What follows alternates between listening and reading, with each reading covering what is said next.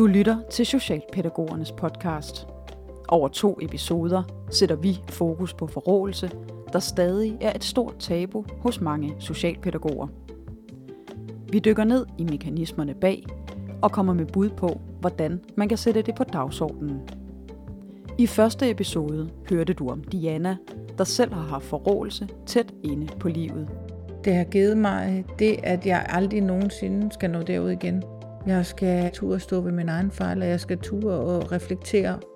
I denne episode kan du komme med på besøg på Midgården i Frederiksværk, der for år tilbage var præget af en rå kultur, men som nu arbejder systematisk med at forebygge forrådelsen. Som omsorgsperson, der bliver du nødt til at kigge på din adfærd. Det er afmagt, det handler om i bund og grund. Hvis jeg vidste, hvad jeg skulle stille op i en eller anden situation, så ville jeg jo gøre det. Og så ville jeg jo ikke føle afmagt. Rigtig god fornøjelse.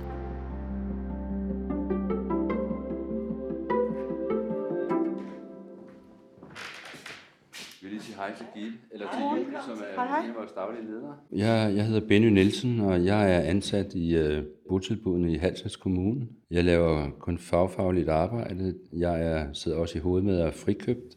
Benny Nielsen arbejder som tillidsmand på blandt andet Midgården. Gennem det faglige arbejde ønsker han at skabe en kultur, der tager livtag med de negative fortællinger, der nemt kan opstå. I det øjeblik, man får oparbejdet en kultur i et team, hvis man ikke sørger for at bruge det rigtige sprog, så får man hurtigt tendens til at putte ikke-faglige ord på hændelser eller adfærd hos øh, de mennesker, man, man skal støtte og hjælpe, og så er forrådelsen allerede i gang. Bennys nysgerrighed over for forrådelse blev for alvor vagt, da han læste Dorte Birkmoses bog, Når gode mennesker handler ondt. Men den tvang ham også til at se indad og reflektere over sine egne handlinger. Jeg blev nødt til at læse bogen to gange, og, og, og det rørte mig faktisk dybt. Og jeg kunne mærke ind i, i min knoglemarv, at, øh, at jeg er selv i situationer, hvor, hvor jeg har øh, sagt til mennesker, jeg skulle hjælpe, at jeg har ikke tid lige nu, eller du må vente lidt, eller noget andet. Øh, opdaget, at hvis der er nogen, der hele tiden behandler mig sådan, så vil det gøre rigtig ondt på mig. Så jeg har haft nogle masser af refleksioner over det. Er det Charlie? Hej, godmorgen. Beboerne på Midgården har meget nedsat funktionsevne, mange er kørestolsbrugere og har ikke et verbalt sprog. De er meget afhængige af, at vi hele tiden aflæser og reagerer på de udtryk, de nu kommer med. Du får ikke den der direkte respons. At man hele tiden skal være opmærksom på, hvad er det her for et udtryk, og hvad kunne det også betyde, og hvad skete der egentlig i går, som kan influere, hvad der bliver sagt i dag. Det her er Charlie Jensen, som du også mødte i første afsnit af denne miniserie. Da han som nyuddannet socialpædagog begyndte på Midgården for otte år siden, havnede han i et forrådet miljø.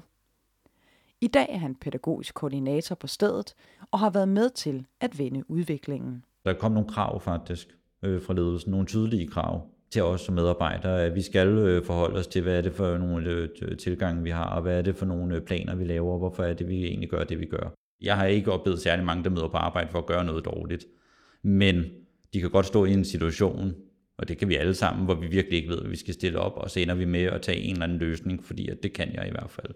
Hvad der er en borger, der slet ikke vil følge med hver morgen, og når jeg, han, skal, han vil ikke have tøj på, han vil ikke have morgenmad, og han vil ikke noget som helst, og så er det også fordi, han er på tværs. Øh, fordi jeg ved ikke, hvad jeg selv skal stille op, eller ændre i min tilgang, eller øh, tør måske ikke at sige det højt, fordi det lykkes alle de andre kollegaer, den kan vi jo også opleve. Charlie beskriver afmagten, der kan være et skridt på vejen mod forrådelse, som et fravær af løsninger. Og det er hovedet på sømmet, mener psykolog Dorte Birkmose.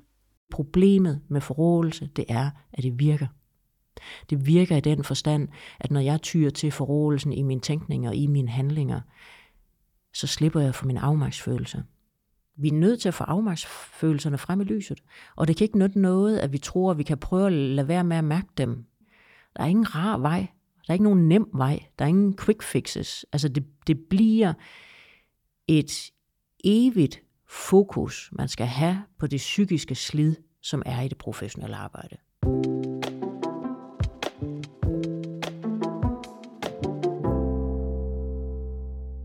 Jeg har da også stået og sagt, okay, ja, lad os lige gå ind på kontoret, og kæft, hvor er det 13, jeg forstår ikke, hvorfor, hvad er det, jeg skal gøre anderledes. Men jeg tror, at det, det jeg hele tiden gør, det er, at jeg vender indad i, hvad er det for en tilgang, jeg har. Øh, fordi det, det er jo ikke borgerens skyld. Og det, den tror jeg sidder fast i mig. Men jeg tror, det, det godt kan være sådan en øh, umiddelbar afmagt, vil jeg næsten kalde det, at man står, jamen jeg kan ikke finde løsningen lige med det samme på, hvad er det, den her borger egentlig gerne vil. Jeg er nødt til at hele tiden at spørge min kollega, hvad betyder det nu? Altså, så man hele tiden vender sig væk fra borgeren, ikke? Øh, jeg tror, at nogle gange kan man godt føle sådan lidt, at jamen, nu er jeg nødt til at tale hen over hovedet på borgeren, fordi jeg forstår faktisk ikke, hvad der bliver sagt nu, og jeg vil rigtig gerne reagere relevant lige nu. Ikke? For Charlie er den store forskel på Midgården før og nu, at de har et stort fokus på gråzonerne. Det ser jeg som positivt, fordi det vil vi altid skulle have med den her målgruppe at det er det der med, at vi hele tiden øh, går på grænsen mellem, jamen vi har den her omsorgspligt, og vi kommer med en masse ting, vi rigtig gerne vil gøre godt for borgeren, og vi sidder med nogle indsatsmål, som de faktisk ikke selv har været med til at udarbejde, for det kan de ikke. Men hvornår går vi over grænsen? Og det tror jeg er den største forskel, at det faktisk er det, vi snakker om, og det tror jeg er et positivt tegn. Gråzonerne kan også opstå i de helt små hverdagssituationer. Altså noget så simpelt som en borger, hvor vi tænker, mm, hun går og har ondt i maven hver eneste dag og får faktisk ud af reagerende adfærd. Og så vil vi rigtig gerne prøve at ændre kosten, for hun får nogle flere fibre, fordi så kan det være, at øh, kommer gang i maven, så hun ikke har ondt og får ud af reagerende adfærd. Og så går vi ind og prøver at beslutte, jamen nu prøver vi en anden tilgang, hvor vi tilbyder dig de her to retter. Det er vores omsorgspligt, vil jeg sige, men der er stadig en grænse i, jamen hun har selvbestemmelse, men vi vil stadig gerne bestemme, at du skal vælge en af de her to ting. Det her med hele tiden at sige højt efterfølgende til min kollega, hvad så du, da jeg sad der? Var jeg, var jeg for øh, perseverende i, hvad for nogle krav jeg stillede, eller skulle jeg måske bløde lidt op, eller skulle jeg, altså hvad, hvad, hvad ser du? Bliver det for øh, meget på grænsen lige nu, til at jeg faktisk sidder og prøver at bestemme over den her borger, ikke? Hvis der er et menneske, der har en adfærd, som jeg skal hjælpe, så bliver jeg nødt til at kigge bag om det, for at se, hvad, hvad det menneske egentlig øh, prøver at kontakte mig for, eller prøver at fortælle mig, eller noget andet. Så jeg hele tiden prøver at kigge bagom. Men vil det sige, I går simpelthen de der situationer igennem med en tættekam, og så siger, hvad gjorde du? Hvad gjorde borgeren? Hvad kan det være et udtryk for, eller hvad? Det gør vi tit, ja. Hvad skete der lige før? Hvad skete der efter? Hvad skete der for eksempel i går? Det kan det sagtens være. Det afhænger jo helt af situationen, hvor, hvor, hvor man, man tager fat. Det kan også være sådan, at, at øh, har man fået rykket en borger, øh, eller har opdaget, at, at, at den kompetence har jeg også, det kan også være sådan, at den her borger opdager, at jeg har jo egentlig noget mere frihed, end, end jeg troede, jeg havde. Eller der er ikke nogen, der siger stop til mig, eller nej. Det gør så, at, at, at der er nogle andre ting, der bliver afprøvet. Lige for tiden er personalet på Midgården særligt opmærksom på en beboer, der er begyndt at have udadreagerende adfærd. Det er vigtigt at tage hånd om de situationer så tidligt som overhovedet muligt, fortæller Charlie. Og i stedet for, at de når over i en eller anden bølge med, hvor er han også forfærdelig og alt muligt, så kan vi nå at gå ind på et personalemøde og sige, okay, det her, det må vi snakke højt om nu, hvad er det, vi oplever? Og så begynder at tage fat i det, ikke? og sige, okay, supervision på, lad os prøve at lave nogle øh, handlemuligheder til, når I så kommer til at føle den afmagt, fordi det var den, der var begyndt at komme. Altså sådan handleanviser folk nærmest, fordi hvis du føler afmagt, kunne det jo så være, at du egentlig har brug for et værktøj til at gøre et eller andet.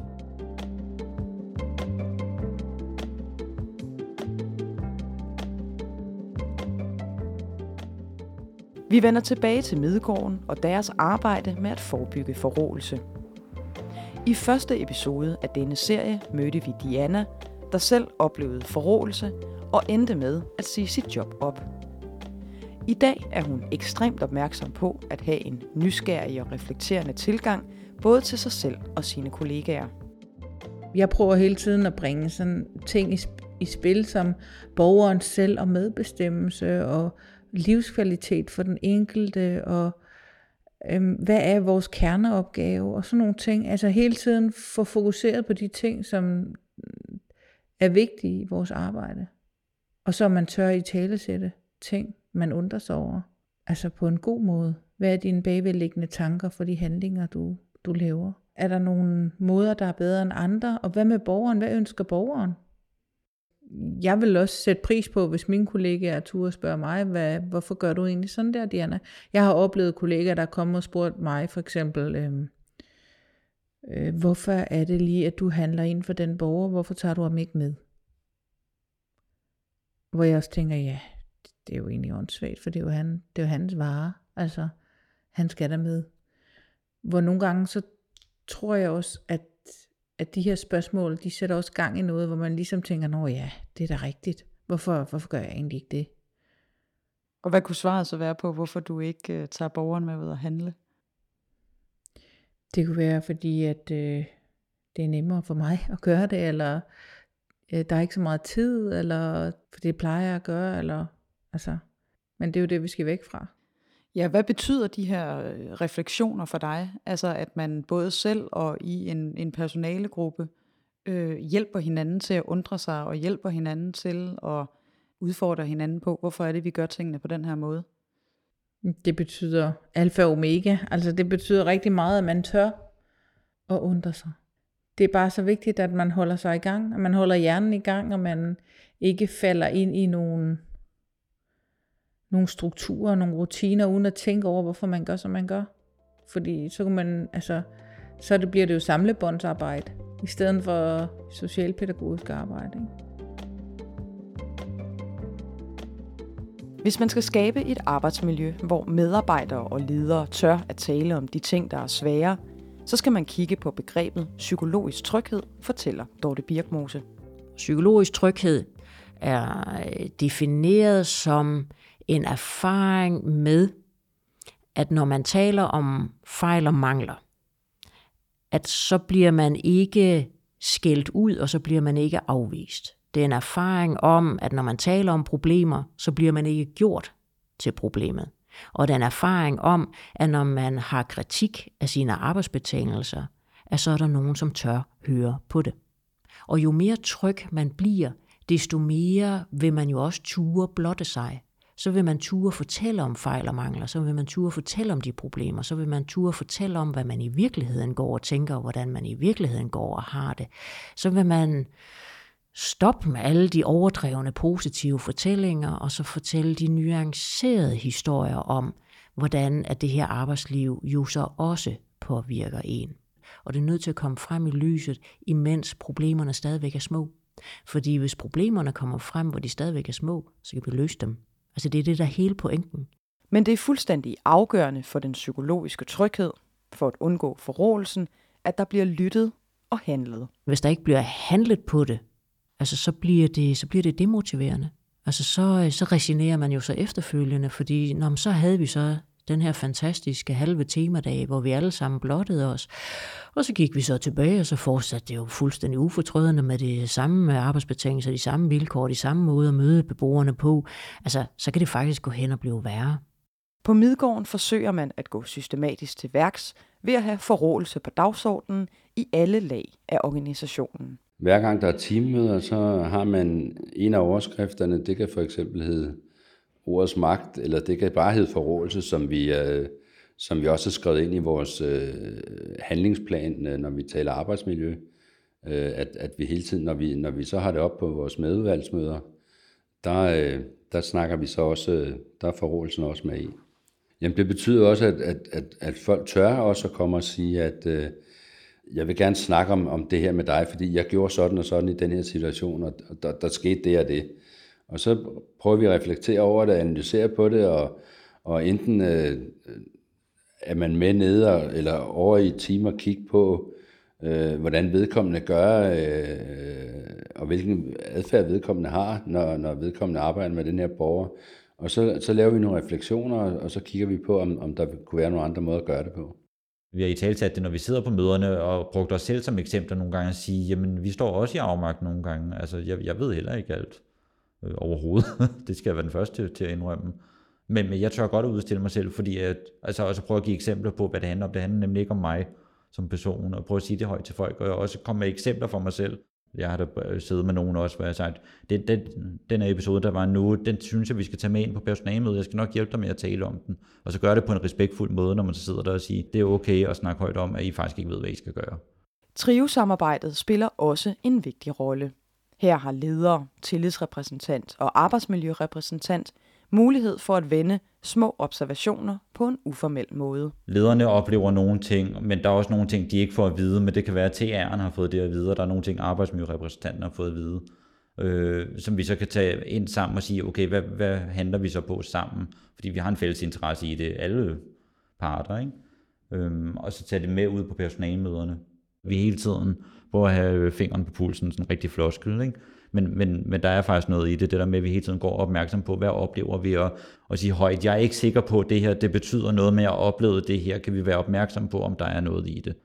Det, det også kan gøre, det er, så kan jeg få feedback fra nogle andre, der kan sige, det kan også være, at det handler om noget andet. Altså, så inden vi går ud og handler på et eller andet, så har vi faktisk selv lige fået øh, vendt den fagligt næsten, ikke? Øh, og fået noget sparring på, at øh, jeg har den her formodning, hvad tror du, det kan være? Det, der er vigtigt øh, for en arbejdsplads, det er at se det som en helhed, og jeg tror på, at, at øh, man, kan ikke, man kan ikke gøre noget i et team på en arbejdsplads, hvor der er 20 teams. Det kan man godt, men, men man, kommer, man kommer nok ikke så langt med det, fordi det her vil også have noget at gøre med, hvad er det for en ledelse, du har på stedet? Hvor, hvor åben er ledelsen for forandringer?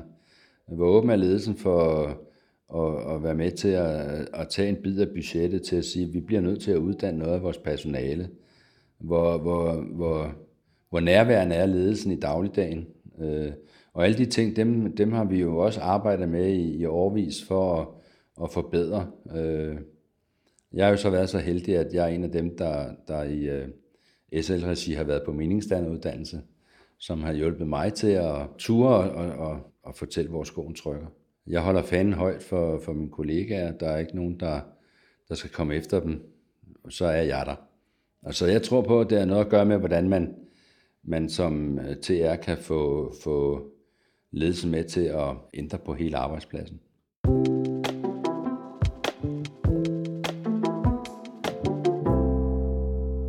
Det kan lyde både rigtigt og flot at tale om nysgerrighed, trygge rum og at gøre sig sårbar over for hinanden. Men hvordan forsøger man så at tage hul på de svære samtaler? Uanset hvor meget man prøver og bare at sige, ja, jeg så, og jeg tænkte, og så kunne jeg være bekymret for, selvom man prøver at formulere sig sådan, jamen så kan mennesket stadigvæk godt være så sårbart, at det er sådan, at du skal ikke komme her og sige, og komme og kritisere mig for alt muligt forskelligt. Du skal slet ikke sove det ind i dine samtaleteknikker, du har øvet dig i hjemmefra, og hvad fanden er det her for noget? Altså, man kan jo ikke styre, om mennesket er i stand til at høre det, og derfor så er der rigtig meget omkring timing. Fordi måske skal man lige vente lidt. Måske skal man lige lade gå noget tid. Måske skal mennesket lige sove på det. Måske skal vi lige være et andet sted, for at der er mentale ressourcer til, at vi rent faktisk kan tale om det her. Og så kan man graduere det, man siger. Man kan prøve lige så stille, lige så nænsomt at sige noget af det knap så farlige i første omgang, og så se, hvordan det lander. Men vi skal også lige tilbage til det med de hurtige løsninger. Der er ingen quick fixes, sagde Dorte Birkmose i starten af programmet. Vi kan ikke formulere os ud af det, og det er faktisk temmelig vigtigt. Fordi alle pædagoger vil kende sætningen, der hedder, jeg hører, du siger, at den sætning, eller den start på en sætning, er jo blevet så maltrakteret, at hvis man nu kommer til at sige til et menneske, jeg hører, du siger, at, så er de allerede rasende. Fordi de kan mærke, at nu bliver de teknikket. Og det skal vi jo bare slet ikke. Fordi det bliver en devaluering. Det bliver talt ned til, at nu, nu bruger jeg mine metoder på dig. Altså vi kan prøve at tale om tingene så nuanceret, som vi overhovedet har sprog til. Og vi kan prøve at tale så direkte og tydeligt om de problemer, der rent faktisk er. Det er de dybe spørgsmål, der skal frem i lyset. Altså søge dybden i, hvad, hvad, hvad handler det her om? Hvad er det netop du er blevet netop så presset af? Der hvor der kan være en, en medarbejder, som kommer til en faglig leder og fortæller løs om, at det fungerer ikke, og det duer ikke, og beboerne de er blevet tungere og tungere, og vi står i situationer, og det er helt håbløst, og normeringen er for dårlig og noget. Okay, altså hvad, hvad handler det her om? Altså, og hvad handler det i virkeligheden om?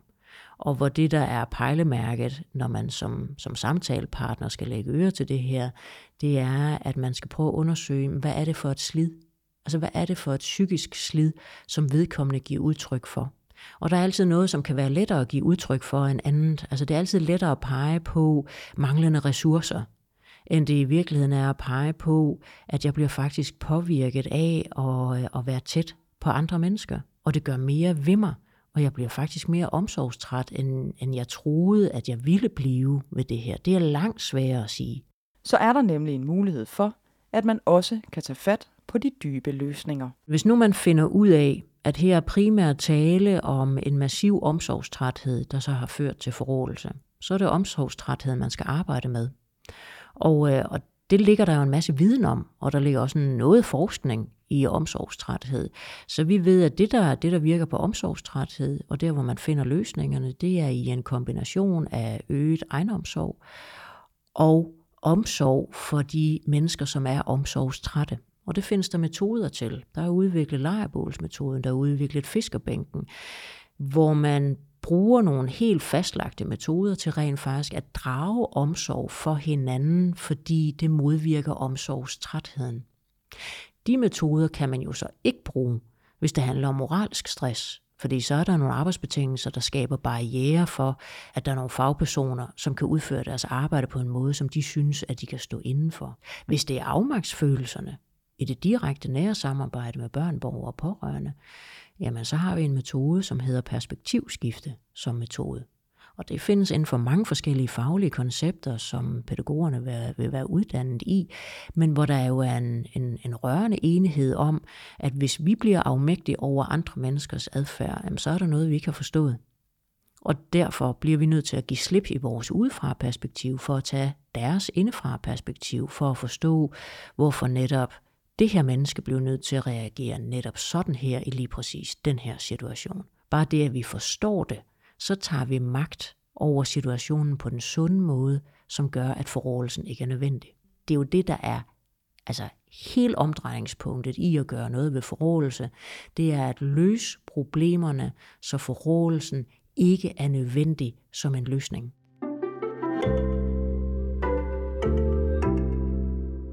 Når man spørger Diana, Benny og Charlie om deres bedste råd, så er det først og fremmest at kigge på sig selv og sige højt, hvis man mærker, at noget føles forkert. Jeg håber, at lytterne de tager med, at, øh, at det skal være noget, man tør at tale om. Og man skal ture og se indad.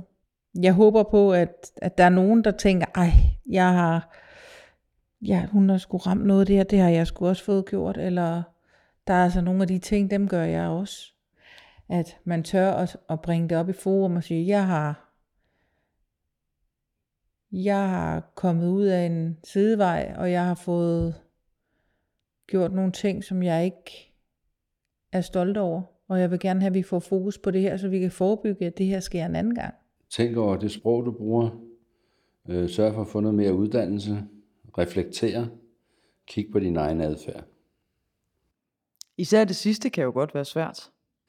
Det er svært, men det bliver man nødt til. Det, det er øh, at være reflekterende over din egen øh, adfærd, og så ture erkende, hvis der er nogle ting, som, som du godt kan se, som du ikke gør på en, en ordentlig måde. Øh, og så få gang i øh, at ture snakke om det. Når man mærker et eller andet i den mave der, ikke? at man så tør at sige det højt. Og det er lettere sagt end gjort, fordi det kræver, at man er i et team, hvor man tør at sige tingene højt. Men jeg tror, at man stadig skal turde stå imod og sige, der er noget, jeg mærker i min mave, altså, så det er jeg nødt til at handle på. Fordi hvis du går med det i længere tid, så går det alligevel galt. Så får du enten en forrådet adfærd, eller du bliver sygemeldt, eller du øh, ender med at flygte. Så jeg tror, hvis du mærker et eller andet i din mave, reagerer på det over for en ledelse, for en TR, for en AMR i dit personale team. Giv mig lige et par stikord. Er der noget, øh, jeg ikke lige, du har set, jeg ikke har tænkt over, eller noget, jeg lige kunne prøve af? Altså, der er jo også haft kollegaer, prøv at gå en tur. Ja, hvorfor tænkte jeg ikke på det? Altså, et eller andet meget banalt, ikke? Og så kan det også være andre gange, at min kollega automatisk har tilbudt faktisk, jamen skal jeg tage over, skal vi prøve at lave et bytte og se, hvad der så sker? Så, jamen så lad os det. Så jeg tror, det der med at hive fat i kollegaerne, og man har, men, men det kræver, at man har en forståelse i teamet, af, jamen vi bruger hinanden, og vi er enige om, at vi godt må bruge hinanden. Og det er legalt at sige højt, jeg har fyldt op. Altså viden er jo, er jo vigtig, så faglighed og arbejdsmiljø går hånd i hånd. Og, og det, det udsagn har vi jo så også brugt i vores, øh, i vores arbejde, og har meget fokus på, at, at, øh, at vi hvert år får sendt øh, kollegaer på, på uddannelse. Det man altid får puttet i rygsækken, det er, at når man får noget mere viden, så får man også en anden adfærd. Man skal ture og stå ved, at vi er også kun mennesker, og vi laver også fejl. Og vi, øh, vi kan ikke gå på arbejde og være perfekte hver dag. Men vi skal bestræbe på at være den bedste version af os selv, både som menneske og som socialpædagog, når vi er på arbejde. Og så skal vi ture og tale om, om de fejl, vi laver. Og vi skal ture og tale om det, som ikke er ret at tale om.